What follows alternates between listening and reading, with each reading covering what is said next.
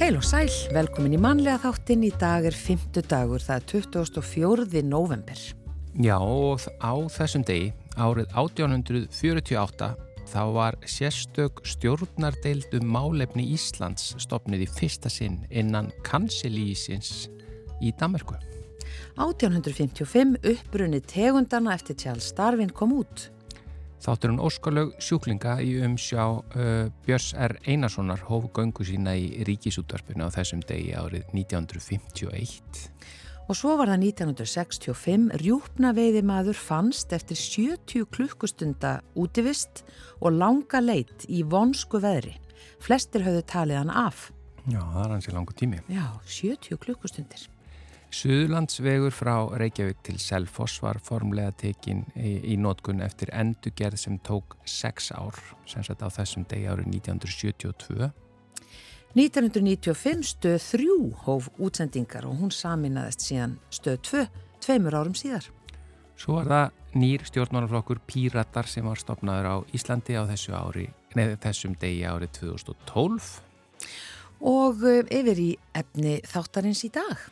Já, Helena Jónsdóttir, sálfræðingur og fyrirverandi skólastjóri Líðskólans á Flateyri kemur til okkar en hún rekur ráð, ráðgjafa fyrirtæki þar sem hún hjálpar vinnustöðum og stjórnendum þeirra til að styðja við geðhilbriði starfsfólksins. Og meðhandlaður geðvandi getur haft miklar afleggingar með tilherandi kostnaði veikinda fjárvestum minkandi framleiðinni, aukna veldu á starfsfólki svo ekki sér talað um skerðingu á lífsgæðum en Helena ætlar að segja okkur aðeins betur frá þessu og eftir. Og við eins og þið kannski munið þeir sem hlustuðuð í gær, e, við sendum beint út frá hugarafli í síðamúla og vorum að kynna okkur starfi þar og náðum ekki inn e, áhugaverðu áhugaverðri umræðu sem okkur langaði til þess að uh, forvittnast um. Það eru karlahópar sem hittast þarna reglulega til að ræða um sína andlegu líðan og hann Gretar Björnsson uh, sem sagði mitt sögu sína í gær, hann kemur til okkar hér og eftir til að segja okkur frá þessum karlahópi og, og, og hvernig þetta allt saman gengur fyrir sig. Já og svo er það Edda S. Jónasdóttir, hún hefur komið víða við í matargerð. Hún fekk fyrst áhuga á maturislu þegar hún fór sem skiptinemi til bandaríkjana og kynntist á framandi ráöfnum eins og feskum ananas og netusmjöri. Já, sem var mjög framandi þá. Já, hún eldaði ofan í lagsveiðmenn, bjó í Skotlandi og hefur sapnað uppskriftum hérðan og þaðan um æfina í bók sem hún eh, er að gefa út núna fyrir jólinn, uppáhaldsréttir Eddu og við ætlum að tala eins við hana um það eftir. Já, en við byrjum á tónlistinni og mér sýnist að öll lögin okkar í dag e, bera titil með e, orðinu Vetur í. Þetta lag hér heitir Vetur Rís og hér er hljómsveitin Brekk. fjöllin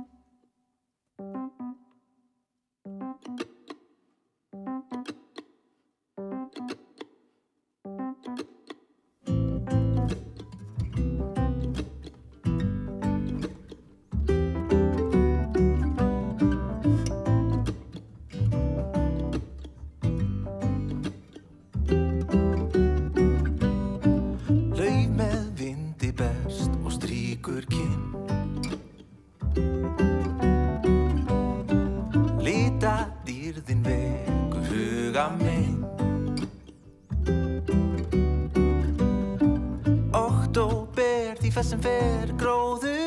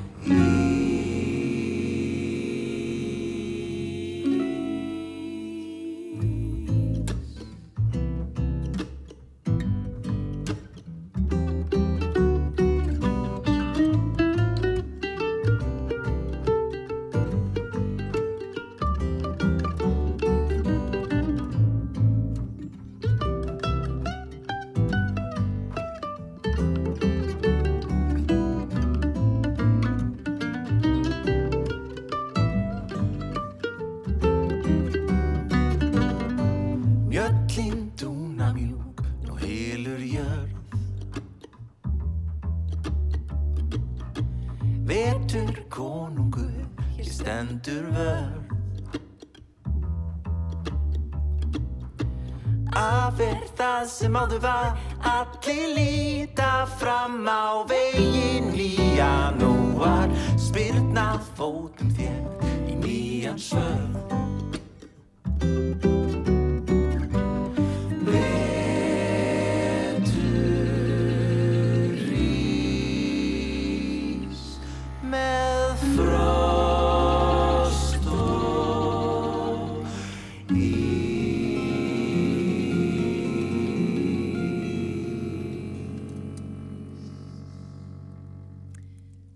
hljómsveitin Brek, Vetur Rís, Jóhann Ingi Benediktsson, Harpa Þorvaldsdóttir Guðmundur Alli Pétursson og Sigmar Óli Mattiásson e, sömdu þetta og að ég nefndi nú að við ætlum að leika lög sem svona bera þetta orð í sér, Vetur Rís þar að segja í titlinum, Já. við hefum eftir að heyra lag sem heitir Vetur og svo er það næsta Vetur og svo er það annar lag sem heitir Vetur. Já, það er bara vetrar Það er vetrar þema hjá Já, okkur það er í ekki dag. komið frost, en hann hitti við Sigmar Þór Mattíasson, ég bara, að ég hugsa bara þannig að hann bara, að fáið það rétt Já. Já, þú sagði Sigmar Óli sko Ég sagði Óli, Já. hvaðan kom það? Ég veit það ekki Það stendur hérna Sigmar Þór. Já, en allt í góð, hérna, Helena Jónsdóttir, hún er, er það ekki rétt nafn? Já, Ekki Óli milli. Nei, ég heit ekki Óli, ég heiti Helena og ekki Helena Óli heldur sko. Nei, akkurat. Helena Jónsdóttir, sálfræðingur og fyrirverandi skólastjóri Lýðskólans á Flateyri. Einmitt. Velkomin í manlega þáttinn. Takk fyrir Við fjöllum mikið um hérna bara uh, geðheilbriði og við fjöllum mikið um uh, líðan á vinnustaf Mhm. og, og, og hvernig fólki líður og hvað, hvað er þetta að gera til að láta fólki líða betur á vinnustaf. Þú Mhm. ert nú bara heldur betur komin í þann bransa. Já, Guðskjöf heimnum ofan bara Já, hérna útskýraðins fyrir okkur hvað hva, þú ert nýbúin að stopna fyrirtæki. mm Algjörlega Herði já, ég hérna uh, stopnaði sérst fyrirtæki núna bara fyrir tveim, þreim mánuðin síðan og er bara að vinna því nokkra mánuði, bara svona hugmyndavinnu. Og hugmyndin er sérst að geð heilbrið á vinnustöðum í svolítið svona víðum skilningi. Uh, ég hef svona líst í þannig að sko við trúum ekki á svona einhverja plástra og skyndilöstnir og einn og einn dag, dag þar sem við fjöllum um sko geð heilbriði á einhverjum starfsmannadegi heldur er ég svona að reyna að kynna til sögunar hugmyndafræði þess að maður fyrirtæki fara í smá vekkferð, taka þetta svolítið svona alvarlegum tökum og sína ekki bara sko samfélagsábyrða þetta er þetta bara smá svona faraldur sem geysar, Já. heldur líka að bara átti sig á þetta hefur mjög, eða getur haft mjög mikið áhuga, sérst, áhrif á rekstur þeirra, bara í formi veikinda fjárvist og annað. Þannig að ég er svona bjóða fyrirtækjum upp á ákveðna vekkferð, ákveðna löst sem fælst í að taka þetta svolítið föstum tökum. Hlúaða starfsfólki með mjög ákveðnum hætti, setja skýra stefnu og búa til svona smá aðgera áallun og vinna þetta markvist. Þannig að þú kemur inn í fyrirtæki, það er að segja þau sem byggðið um að koma, þú riðist valla inn Nei, nei, og bóðinn. nei, nei. En hérna, og, og, og ferði yfir reksturinn og, og, og kemur með hvað tilugur, eitthvað, ég meina, hvað tekur þetta langan tíma sem dæmi? Þetta getur verið ferli bara upp á 69 mánuði, þú veist, Já. með því að við, svona, ég, við byrjum á því að gera smá úttækt og sjá hvað staðan er og hugmyndin er svo að fyrirtæki vinni svona ákveðna geð þessu stefnu Já. sem í því fælst bara svona svolítið skýr sín og markmið um hvernig það ætla að takast á þessi mál og e, að, e, sest, svo setja fram bara aðgerra áallin sem eru þá svona tiltula sértækar og ákveðnar aðgerðir sem eru bæði þá svona forvarnir og fræðsla, opna umræðina, þjálfa stjórnendur, laga eitthvað í vinnufyrirkomulagi, skýra hlutverk, nú er ég að nefna svona tiltekna þætti sem að oft svona gera þessi mál eða draga eins úr geðels og vinnustöðum. Já. Já, taki þessa þætti og fleiri til til að, að sagt, föstum tökum með þessar aðgerra allan og það getur tekið svona 6-9 mánuð að keira hana og hugmyndin er svo svona mæla og tjekka þess aftur og sjá hvað árangur við erum að skila. sko. Já. Þú talar um faraldur. Sko, það er ímislega sem bendir til þess að geðheilsu fari vestnandi. Það, það er ekki svona ákveðna tölu, þú veist, COVID setti geðheilsu í ákveðin forgang, ekki satt? Og það getur vel verið okkur sér tamar að tala um geðheilsu eftir COVID. Já. og þannig sé hún orðið einhvern veginn vandin orðin algengar í konunum. En svo má ekki heldur gleyma því að e, það er komnar inn á vinnumarkaðin nýjar kynnslóðir og þeim er líka tama, tamar að tala um geðursu. Þannig að það getur vel verið að, að þessi aukning sem við sjáum í geðvanda í tölum sem við bara sjáum það bara frá tölum landlæknis og fleiri aðila og bara erlendum tölum. Það getur vel verið að þetta sé meira bara að fólk þóri að segja frá Já. en það er alveg ljóst að hvað við segja, þóra að segja 15 til 20% eh, þjóðarinnar og þar með vinnustadarins á hverjum tíma er að fást við miðlungs til alvegleg uh, enginni geðvanda. Já. Og þessi vandi er bara mjög líklega til þess að auðvitað, skapa mannlegar þjáningar og, og veist, tapast lífsgæði og allt það. En bara starfsorka, starfsketa, framleiðinni, svo ekki sem tala um veikindafjárvestir. Þannig að þetta er ákveðin svona, já, veist, það hefur verið talað um þetta bara sem faraldur. En, en að því þú ert að fara inn á vinnustæði að hjálpa til við, við þetta, mm -hmm. þessi mál, mm -hmm. er, er sem sagt andleg heilsa eða geð heilbriði starfsfólksins, er það á ábyrð vinnustæðarins? Það eru margir búin að spyrja með þessu. Hérna, þetta er mjög skemmtileg spurning og við henni eru ákveð, já svona, þú veist, það er bara svona mjög, mjög áhugaverð svör. Sko, starfsfólku þetta uh, kemur með geðhelsuna sína á vinnustæðin mm. ekki satt. Mm. En það er líka ímislegt sem bendir til þess að það séu þættir á vinnustanum sem er ekkit líklega til þess að eflana og jafnveg líklega til þess að draga úr henni. Það má kannski segja, þú veist, uh, nálgast þetta frá þremur ólíkum sjónarhaldnum. Ef við byrjum sam, samfélagsábyrð, Já. ef að uh, við viðkennum að þetta sé ákveðin faraldur sem að okkur byrjir svona okkur samfélagsleg ábyrð allra að takast á við Já. að þá er þetta fyrirtækin geta ekkit undanskilið sér þeirra ábyrð. Númið tvö má segja að sko, já, bara þessi rekstra leiði, þessar rekstra leiðu pælingar að þetta er uh, geð heilsa og geðvandi er mjög líklega til að hafa áhrif á rekstra afkomi fyrirtækja. Það er nefna dæmi. Uh, það er sveitarfélag út af landi með x marga starfsmenn. Uh, hjá því eru 6.500 veikindadagar á ári sem eru 13% sérstaklega veikinda fjárvistir. Mm -hmm. Það þýðir að 13% fólksins þeirra er okkur um einasta degi frá og stór hluti vegna geðvanda. Já.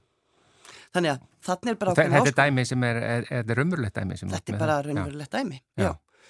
Og hérna, þannig að nú, svo má þetta bara líka segja, þú veist, e, viljum við ekki að starfsfólkin okkar líði vel? Mm. Viljum við ekki bara hlúa að því? Og fyrir þetta ekki hafa verið mjög döglega á Íslandi að hlúa starfsfólki með góðum mötuniti og svona einhverjum jókatímum í hádeginu og annað. En þetta eru svona lík, þætti sem eru líklið til að skapa ákveðna veljanan mm. Starfsfólki. Mm. Og veljan og geðhilsa er bara ekki alveg saman hlutur. Nei, akkurat. Þannig að þið liðir bara þræl vel í dag. En það getur verið eins og þú nefndi kannski aðeins í upphafi þetta með plástrana. Það, pínu. Ég ætla ekki að draga úr því, að því að þannig er þið búin að, þú veist, fyrirtækinu er búin að fjárfesta mjög vel til þess að búa til ákveðna veljan. Vandin er að það er ekkit endilega líklegt til að skapa betri skilir fyrir geðhelsu. Mm. Þetta með geðhelsuna, sko er þetta að hugsa þannig að þá fær starfsmæður eitthvað næði eða pláss bara til að tala um, um sína líðan, sína Já, andlegu líðan? Já, til dæmis. Sko, þeir hugmyndum að reyna að, að opna umræðina, þannig að það sé ekkit feimnism og lengur. Ég menna að ég er með fótbrotinn eða með þunglindi mm. og ég ætla að fara til sálfræðings eða læknist, annars bara svona um 1, 2 og 3 og rannsóknir hafa sínt að sko að starfsmenn þeir veigra sér við að segja frá geðu vanda, bara af ótta við að verða fyrir skam og fordumum. Eins og þeir myndi bara fela fótbrot. Ymmitt, hver gerir það? Og af hverju eru við þurfum við vendilega að fela þunglindi eða eða kvíða? Mm. En ekki síður að þeir veigra sér bara út á atvinnur ekki. Mm. Að það sé litið á þessum eitthvað veikleikamerki, þá sé starfðan einhvern veginn verri starfsmöður, þannig þetta er alveg svona kannski nummer 1, 2 og 3 uh, ekki síður að bara skapa skilir það á vinnustanum til þess að við getum grepi fyrr inn í geðvanda. Mm. Því að sko stjórnendur er að kljást við geðvanda í dag þegar að fólk er farið veikindalefi og það má grýpa miklu fyrr inn í í flestum tilfellum til þess að forða frá, fólki frá því að það þurfa að farið veikindalefi. Það vill enginn farið veikindalefi. Jú, það er rosa næst að fá tótaga heima og vera upp í rúmi en þannig er því enginn ef, að, ef að, veist, það er ekki það sem við erum að segja eftir. Þannig að hugmyndin er að þjálfa stjórnendur í því að bera kjensla á þetta fyrr, byggja starfsfólk og þjálfa það í að bara þekkja sín enginni og taka ábyrð og við tökum einhvern veginn ábyrð á okkur sjálfum, samstagsfólki og stjórnendur takja ábyrð á sínu fólki. Þannig að við getum gripið fyrir inni þannig að við þurfum ekki að vera að missa fólki í veikindalefi og aukum á sama tíma bara lífskeiði og starfsorku og starfsketu Já. fólks á vinnustanum. Það var mjög mikið tísku orð hérna fyrir einhverju hérna gæðastjórnun sem var mjög mikið verið að það var að þetta auka gæðastjórnunu fyrir. En ég menna þetta getur bara talið sem hluti af því í rauninni ef, að- ef að Algjörlega. starfsfólkinu líður betur. algjörlega. Sko stóru ráðgjafafyrirtekin Erlendis hafa verið að setja þetta bara á dagskrá. Segja bara, heyrðu, þetta er bara forgangsverkefni stjórnunda í dag, inn í gæðakerfi, inn í alla stjórnunar, inn í öll starfsmannakerfi og allt slíkt. Þetta sé bara forgangsverkefni að takast á við geð heilsu starfsfólks og grípa fyrir inn í. Þannig að já, það má alveg segja það. Þetta er ekki, ég vil ekki segja þetta sé að tísku á Íslandi. Þetta er að verða tísku erlendis, en þetta er svona, þetta er að seitlast inn hér. Og ég finn bara að sko, stjórnendur eru að ringja í mig í smá paniki. Hvað segir þú? Getur þú hjálpað okkur? Þetta er að komið í óefni. Pínu, eh, stundum, eða þið vita að þið verða takast á við þetta, Já. held ég. Og náttúrulega líkilatriði að, hérna, að eigða þessum fordómum um að þetta sé veikleikamerki. Að, Algjörlega. að eiga, Já. já, Og líka að bara glíma við andlegar áskoranir. Já, kannski svona ekkit síður að þú veist, þetta er einhvern veginn svona, æ, er þetta ekki svona mjúkumálin? Þurfum við eitthvað að, þú veist, erum við ekki bara eitthvað að veikindavæða vinnustæði með því að fara að tala um þetta? Þú veist, við sjáum það bara í fyrirgjöðu slettuna hardcore rekstratölum að þetta er ekkit bara mjúk mál. Já, og, þú varst líka að tala um sko hvort, hvort sem það er aukning í svona málum eða bara að umræðan sé orðin Mm. opnari og við erum orðin meðvitar um það, það skiptir í rauninni ekki máli hvort það er, því að það þarf hvað sem er að vinna e- einhvern veginn að hjálpa Já. fólki með, með þessi vandamál. Vandin er stór af hvaða orsökum sem það er og hvort að það er ykkur mýgri, yngri kynnslóð eða COVID hafi sett þetta í forgang eða við séum bara að kljást við daldinn stóran vanda. Þannig og það þurfum við að gera. Já. Akkurat. Taka þetta föstum, föstum tökum. Já, Já. En, en ein mjög erfið spurning hérna í lokina, akkur skýru fyrirtæki eitt erlendu nafni, mental. já þetta var bara um, geð Já, já, já. erfitt orð. Og mér langaði svolítið að taka þetta bara í burti frá því. En tala samt um, sko, veist, ég ætla að tala um geð heilbreyði og geð heilsu og geð vanda. Og mental var eitthvað svona, það er gaman að leika sér með þetta orð. Og mental ráðgjöf, það er svona samblanda af einhverju, já, mental er svona eitthvað alþjóðlegt orð sem allir skilja og eitthvað. Já, Þannig að, já, akkurat. ég var svona, Það mest að flott. já, Já, mér mjög það bara töff eiginlega. Helena Jónsdóttir, takk að ég kella fyrir Helena að koma. Jónsdóttir, já. Já, sálfræðingur og hérna mentalráðgjöf.is, bara böndum á það. Takk fyrir, kærlega.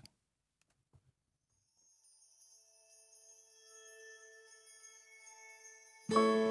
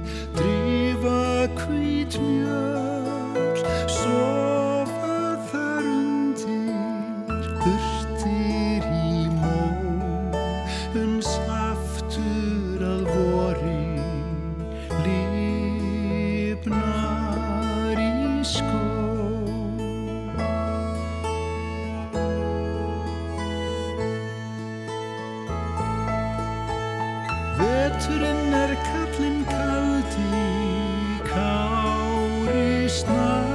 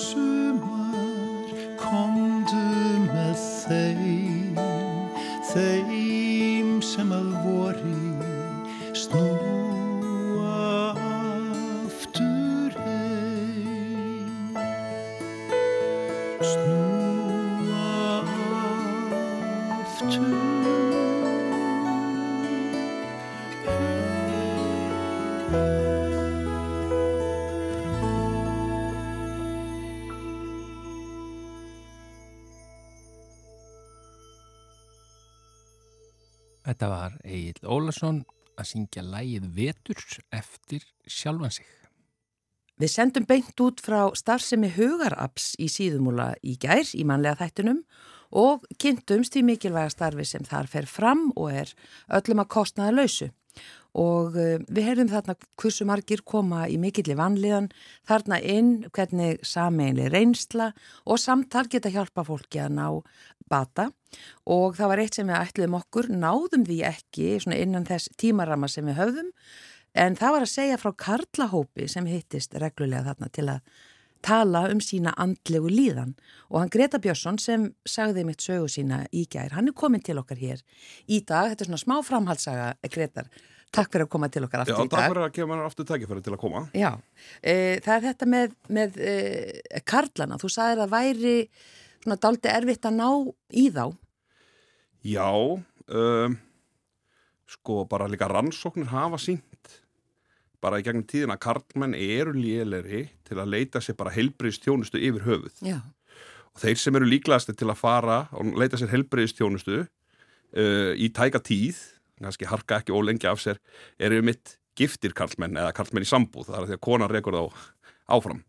Uh, hérna, uh, þetta er bara tengist mest líklega svona gömlu karlmennsku hugmyndum um að vera harður og töff og harkalt af sér sko og hérna, sko síðan þegar við fyrir að skoða gehelbriðstjónustu, þá er að töluða jafnvel enn verri sko. Að hérna karlmenn eru enn tregari til að leita sér þjónustu, mm. gehelbriðstjónustu en konur. Og síðan þegar þeir koma í þjónustuna þá eigar margir hverjir svolítið kannski erfitt uppdráttar að opna sig. Það er þessi lókun sem við margir karlar þekkjum. Að vera svona lókar tilfinningarlega eiga erfitt með að koma, koma frá sér og sérstaklega þeir sem eru kannski eldri og miðaldra. Ég ætlaði um að segja að þetta sé ekki að lagast með kynnslóðunum, núna ungu kynnslóðunum. Algjörlega, ég get náttúrulega mest tala fyrir mína kynnslóð, aldamóta kynnslóðina ég er fættur 1981 og þetta er svona kynnslóðin sem, sem hefur séð tímar að tvenna. Kannski ólst upp seina, ég kalla þetta seinustu kynnslóðina sem ætlaði að harka allt af sér. Fekk þetta uppeldi, þú veist að vera harður, dulur til vinnu uh, þú veist uh, þú veist, uh, sín ekki veikleika. Mm. en, en síðan verða svo mikla breytingar sko. Hafna, þetta er líka kynnslóðin sem sér mikla breytingar. Umræðan opnast sérstaklega upp úr hérna uh, aldamótunum 2000 já, þannig að hún sér svona tíman að tvenna. Þannig að þetta er kannski kynnslóð sem elst upp hérna í, í hörkunni en fær síðan samt tækifæri til að opna. Um, hérna uh, sér að það er hægt að opna sig og hvaða er gott og, og hérna sérstaklega líka hérna á Íslandi sko og Norðurlöndurum reyndar, þetta er líka kynnslóðin sem að fór fyrst að fá tækifæri til að vera heima með börnunum sínum, kallmenn uh, sagt, taka þátt í heimilistörfum og, sinna barnauppildi og það hefur verið gríðalega gott mm. fyrir geils og kallmanna að fá til dæmis að, fæður hafi átt rétt og fæðingarólofu og svona. Þannig að þetta, það er þessi kynslu og ég er rosa mikið, þetta er svona kannski meðalaldurinn í hóplum í hugurafli er ymmið þessi en þetta eru menn á öllum aldri við erum með eldri menn sem eru komin á e- eftir laun og við erum alveg nýri átjón en, en það er alveg satt sko hérna yngri kynslu þetta er ekki jafn mikið mál fyrir þau sko en Já. hérna Þau eru opnari og geta frekar tjáð síðan tilfinningarnar. Já, það er bara sjálfsagt mál, bara allist alltaf upp við það og líka þekkja þetta betur, sko. Mm. Þú veist, hafa bara þekkja þú veist, tilfinningar rófi og svona, þú veist, uh, þessi hérna aldamóta kynslu, hún hefur þurft að læra þetta allt, sko, en hefur samt klálega fengið tækifæri til þess, sko. Já, og, Það- og sem sagt, þið eru bara einir, er það ekki? Þetta er Jú, bara við hittust alltaf, karlar að tala við karla. jú, við hittust alltaf á föstudum og hérna, ég startaði þessum hóp ef hittst alltaf á föstu dögum og erum frá 1 til 3 og setjum bara saman í ring og það er bara frjálsar umræður eina sem ég segi það er bara að tala um veðri og ennska boltan það er að fara á dýftina sko og vennilega er eitt sem leiðir talar, segir svolítið frá sjálfu sér svo til að setja tónin sko. Já, fær, þú veist, 20, mín, 20 til 15 mínútur til að tjá sig, segja sína sögu og síðan, þú veist, speglu við að kommentum svona að, þú veist, að, að kom, heilbrið komment, sko og kommentum við og síðan förum við og, og bara ringin og allir fór tækifæri til að tjá sig. Og hérna ég, ég sá hvað var mikið þörf fyrir þetta líka eftir COVID. Já, uh, við fórum sagt með alla hópan okkar við vinnum rosa mikið í hópastarfi. Fórum með á alla á Zoom. Þú veist, Karlmenn áttu alveg erfiðari uppdráttar fyrir COVID í hópunum. Þú veist, voru hlétrægari, voru færri voru kannski á varbergi ekki tilbúin að berskjalda sig og svona. Þarna voru alltaf að passa sig hvað voru að segja og svona. Og áttu erfiðara með að grípa orðið. Uh, þannig að hérna en, en, en þegar við fórum á Zoom þá bara hörfuðu þeir eiginlega alveg. Og við vorum bara farin að hafa, farin að hafa miklar áhyggjur af kallmönnum í faraldrinum. Þannig að ég tók mig til og ég þekki svona að hópa svona sjálfsálpa hópa mjög vel sko. Hérna, ég fjall fyrir þessu sko alveg sjálfur. Eins og þeir sem hlustuði í gær þá sagði ég svolítið mína sögu sko. Þetta var meðferðarform sem hendaði mér best. Ég var aldrei mikið fyrir svona one on one þú veist að fara að hitta kannski þú veist eina mannu sko það er eitthvað við hópin og heyra reynslu annara og já og líka spekla sig. Já og líka tengja. Þú veist, sín, finna samkendina sína finna til með öðrum, gleðjast með öðrum. Finna maður ekki einn þú veist, margir búin að ganga með einhverja tilfinningu bara lengi, lengi, lengi bara mörg ár, ára tugi með í, bara í maganum og síðan bara einhver maðurinn við hliðina er bara hefur upplegað nákvæmlega sama og þeir hafa aldrei talað um það og bara svona finna, finna þessa samkend og bara samhljóm og tengja skor öðrum og hérna fá líka svolítið tækja færi til að þú veist, vera smá, óheflaðir innan, þú veist eðlera marka. Og þetta er bara ótrúlega gaman sko. Og triksi er svolítið að gefa þessu tíma. Segi alltaf sko hérna ég byrjaði í svona hópi uh, svona hérna 2007 hjá Ómar Ívarsson sinni gæðilegni og þá var hann með svona lokaðan hóp. Hann var mjög merkilegu læknir finnst mér var mikið hérna áhuga maður um svona hópa meðferðir finnst þið virka betur að hafa, eh, hafa kalla hópa en ekki að, vera fyrir kalla að vera í kalla hópun en ekki blönduðum hópum? Það er svona vinnu sko? Sko ég næ svolítið langt þarna sko. Ég er líka með blanda hópa. Og þá er ég oft með svona ákveði toppik eða fræðslur og við förum hringin sko ég næ köllunum ekki jafn mikið á dýftina þar sko. Bara engan veginn sko. Þeir eru bara saman í svona smá bómull sko þetta er, þetta er sko við erum ekki að verja aðra frá köllunum við erum að gefa köllunum rými og svona tækifæri hérna sér tækifæri til að tjá sig þá, þá, þá, þá fara þær alveg á þessa dýft sem við viljum sjá sko já. Og um hvað eru þið að tala? það er bara frjálsar umræður en þetta er oft mikið að sama við erum að segja lífsögun okkar því sem við höfum lent í deila bara svona daglegu amstri mikið samskipti innan fjölskyldna uppeldið mikið um uppeldið. Við þótti vinnu, við erum alltaf fara úr rosa mikið í það, margir hafa alltaf sökt sér svo djúft í vinnu veist, það, það var svona aðalgildið vera duglegu til vinnu.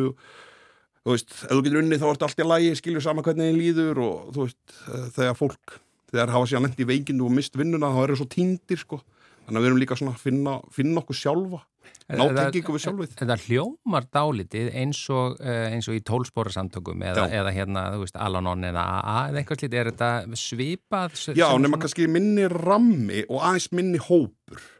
Ég myndi segja nándin. Mm. sko, það er reyndar að náttúrulega AA eru hérna þú veist, alla, það er hægt að fara í mjög stóra hópa og síðan svona minni hópar en við viljum ekki vera of, of margir sko í einu og það er mjög mikilvægt eins og ég ætla að koma á hann þegar Ómar Ívarsson hleyftið mér í hópinu sín tíma hann sagði þetta er tveggja ára commitment. Veist, þetta, verður, þetta fyrir ekki að vera gott fyrir eftir svona ár. Þú veist, að mæta alltaf, ná tengingunni ná þessi djúpu tengingu bara við náungan sem er endilega ekkert skilduðir eða eitthvað svona.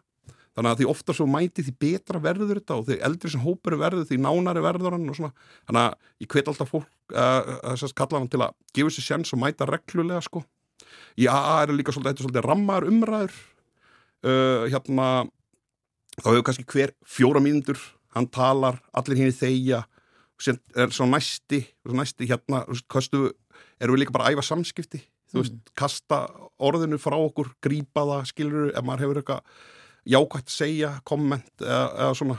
Þannig að þetta er minni, minni, svona, minni rammi. Þetta eru svona frjálsar umræðar en ég er svona hópstjóri og passa allt fari sko, hérna, passa að við fylgjum reglum um trúnað og, og, og virðingu og, og kurteysi og slíkt sko. En þeir eru svo yndislegir hérna, að hérna, það er aldrei þurft að taka á hennu mjög erfið málum sko. Síðan er náttúrulega líka ekki krafist þess að menn séu edru veist, í þessum hóp en það virkar náttúrulega betur menn eru e, e, e, halda sér sem mestu frá áfengi á výmöfni sko.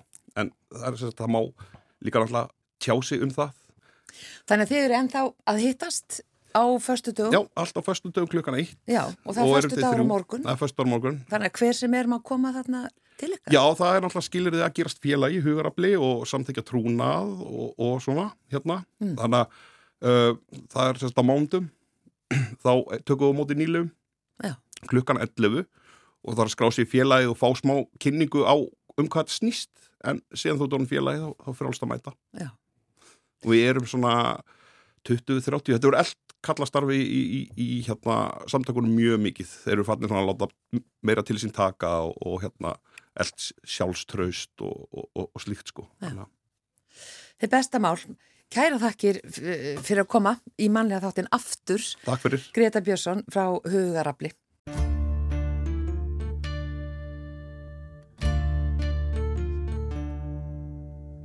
Ertu ekki neitt að hika við það að flytja Ef þú getur því næsta vetur má vera þú. Sért löngu steindauð og hana nú. En væri ekki vond að verða að flytja burt og vonast til að enda á stað. Þar sem ennþá væri einhver sem þú gætir spurt hvort hann væri til í það. Nei, ertu ekki neitt að býða með það að ríða Ef þú getur því næsta vetur má vera þú. Sért löngu steindauð og hana nú. Því væri ekki vond að verða skilja við og vonast til að grís á stað. Þar sem ekki væri alveg óendanleg við eftir því að gera það. Bittu heldur ekki með að búsa, já drekk og djúsa. Ef þú getur því næsta vetur má vera þú. Sért löngu steindauð og hana nú. Því væri ekki vond að vera þvist og þreytt og þarfast þess að fá í krús. Ef svo værirðu á stað sem býð ekki á neitt nema kaffi, te og djús. Nei, byttu ekki með að elska. Ef getur strax í vetur því sjálfu sér vera kann að þú náir í góðan mann Nei,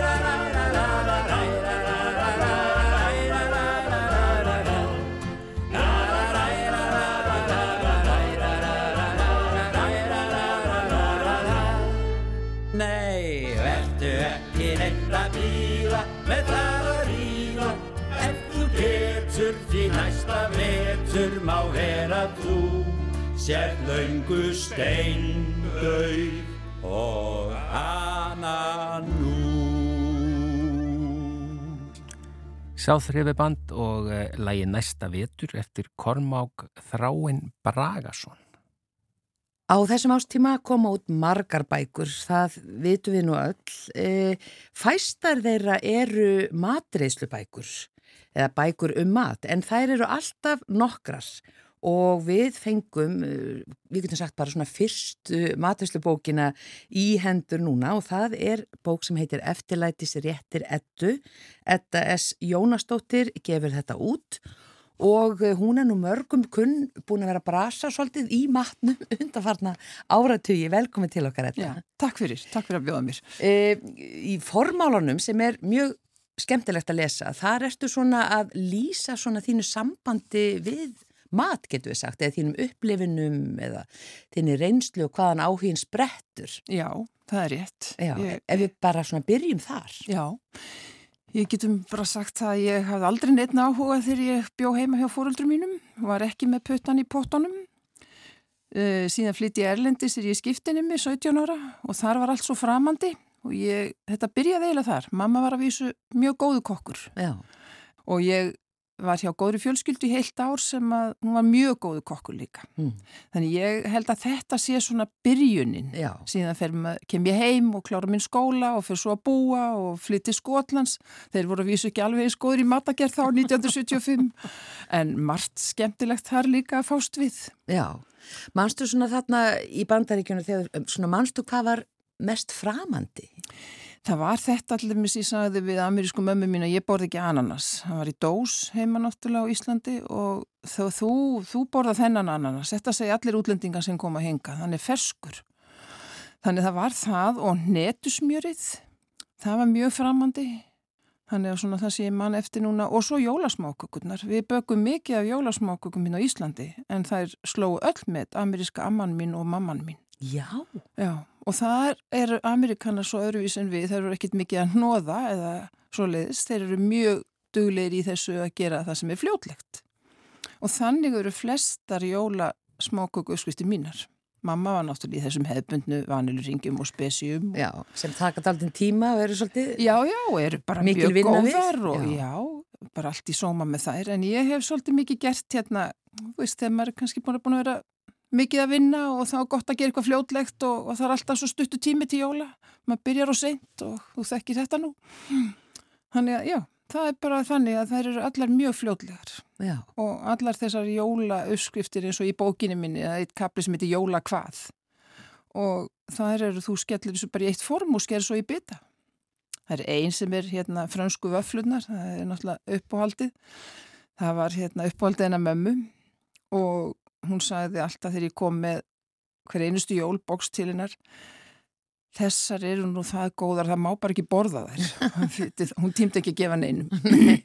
Nei, það, er, það er svona helst svo eina tegund í jólakablanum sem er kannski svo litil handavinna en ekkert svo mikið. mm, Þetta er bara dásanlegt að vera í eldursunni og, og útbúa þetta allt saman. já. Og þetta er mjög algengt hjá mér að nota þetta í jólagjafir.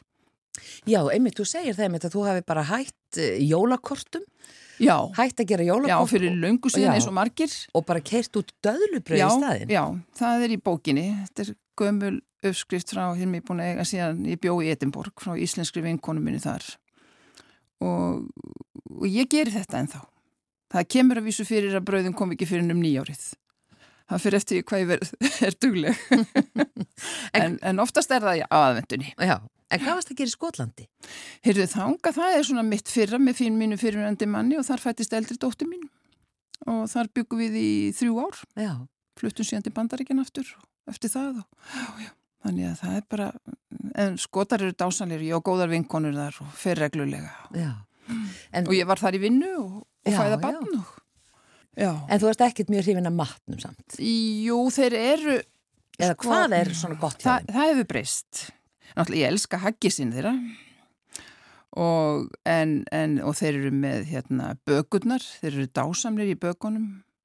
Og hvernig þeir nota reykta fiskin í fiskibökur það er indislegt, Já, er það reykt ísa? það er reykt ísa. Já, Já, og það er margt, en það auðvitað hefur þetta breyst. Ég er að tala um árið 1975 þegar ég flytt þarna út.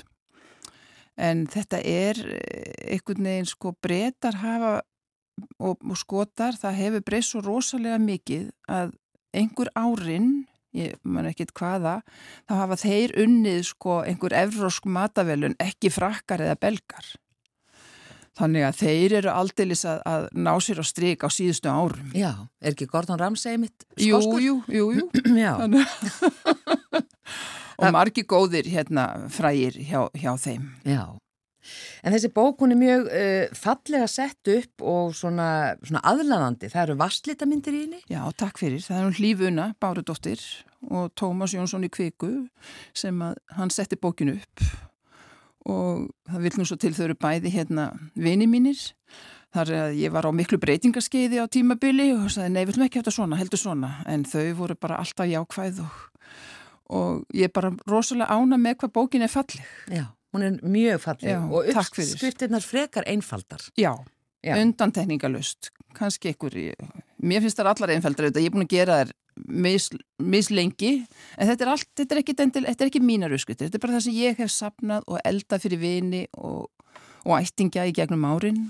Mm. Þetta er, þetta er sem sagt, það sem ég hef klift út úr blöðum og, og til dæmis þegar ég bjóð í bandaríkjunum, það var sko New York Times, þegar þeir með matablaði á sunnudugum, ég elskaði það og Washington Post, þetta eru bara sko, ég átti frængu íslensku, hún sendi mér alltaf svo eftir ég flutti heim, þá sendi hún mér alltaf hérna matarblaðið úr Washington Post Já. og þar, og, og Seattle Times þannig að þegar ég bjóð, ég bjóð þar sem skiptinimi og það er bara þetta er margt úr því og svo bara svona frá mömmu og það er náttúrulega kapluðu mömmu það eru hennar gökur Mm. og það eru sko ekki slæmar Nei. En hvernig svona myndur þú lýsa þér sem uh, svona matargerðar mannesku? Hvað, svona, hvað, hvar liggja þínar svona st- Ég sterku er hliðar? ekkert svona mikið endil í einhverju frönsku eða ítelsku eða eitthvað. Ég veist að sé meira bara, það eru áhrif frá bandaríkjunum og mömmu. Já, ég, ég myndi segja það. Mm. Og ég er bara mikið í þessum reyna mat. Veist, Ég er ekki dugleg, það eru börnir sem sjáum að bjóða okkur í pítsu og hambúrgara þó ég elski þann mat sjálf, góð- skilurðu, en, en ég, ég er bara mikið elda fisk og kjöt og græmitisýtti. Mjög mikið. Já. Ég bauð til dæmis þessum vinkonum mínu sem kvöttum mig mest til að hérna, gera þessa bók. Ég bauð þeim öllum í, í mat eftir að bókin kom út og við vorum 13 held ég, já, og það voru bara græmitisýttir. Þannig að ég, ég gerir mjög mikið af því Já. og mikið af bökum, það líkur mikið, ég gerir mjög mikið af bökum. Já, einmitt, ég sá það einmitt. Já, og Margar ég elska þær og því þær eru svo þægilegar. Ef þú átt eigið í fristinum, þá er þetta bara enga stund að, að byrtast í ofninum. En svo á ég alltaf eitthvað í fristinum. Já, hvað áttu þar alltaf? Þar á ég alltaf dölubröð og þar á ég oft hérna svona sem sagt gerbröð og bollur og hjónabansælu og döðlusæluna, já nú ekki þessi, þetta jóladót nema bara sem sagt í nóvumber og desember. Já. en ég á alltaf, já og svo ég oft kökur. Gulrótakökuna og þannig að það er voðalega gott að eiga eitthvað í fristunum Já. ég er ennþá greinilega, hérna, mamma átti alltaf eitthvað í fristunum en mér finnst þetta bara svo þægilegt. Maður þarf kannski að fara í bóð og þá fer maður bara með eitt ölubröð í stað fyrir blóm. Já, akkurat. Og fyrir utan hvað þetta er nú hagkvæmt já, já, að Fyrir bara gera það. þetta sjálfur. já, já ég, það er alveg eiginlega góða kökur í ýmsum bakaríum en einhvern veginn að kaupi ég aldrei, ég fer alveg í bakaríin ég elska þau en ég kaup ekki kökur ég á, á þær alltaf í fristinum ef ég þarf eitthvað svona svona óundu búið að fara eitthvað og Já. fara með eitthvað Já. Hvað svona, það er ímislegt hérna og ég veit, það er kannski erfitt að spyrja þau um þinn uppáhalds eða eftirlætist rétt. En uh, hér er til dæmis fiskisúpa veiðihúsins, Já, þannig að þú ferð að veiða. nei, Nei. nei. Ég fer ekki að veiða. Ég hérna vann í veiðihúsi í Blöndu í Langadal tvö sumur. Það var ævintýri. Það var 16 tíma vaktir og, og ég bara var svolítið svona kúplaði mig út frá umheiminum var að vísum með síman minn og dætu mínar heyrði í mér. Og þessum tíma fættist nú tvíburarnir barnabönni mín þegar ég var þarna. Þannig þá rauk ég suður í flugvél. En þetta var algjörst æfintýri og því líku skóli og skemmtilegt af því að veiðmenn er að koma inn og borða klokkan tíu á kvöldi. Já. Ég fór í rúmið ofta klokkan tvö og svo vaknaði ég til að baka brauð á mótnana, það voru aðri sem sá um morgumatinn en þessi, þessi fiskisúpa er, ég man ekkert hver ég fekk þessa auðskrift en hún er, sem sagt, hún var mjög ofta á borðum í hátegismatnum því þá var líka tvíréttað og svo þríréttað á kvöldin Já. og alltaf kaffibrauð og eitthvað um eftirmiddaginn. Já. Þetta var rosa skemmtilegt. Og örgulega mikið álag, langa vaktir. Já, ég er ekki sem ég geta þetta. Þetta eru 16 ár síðan.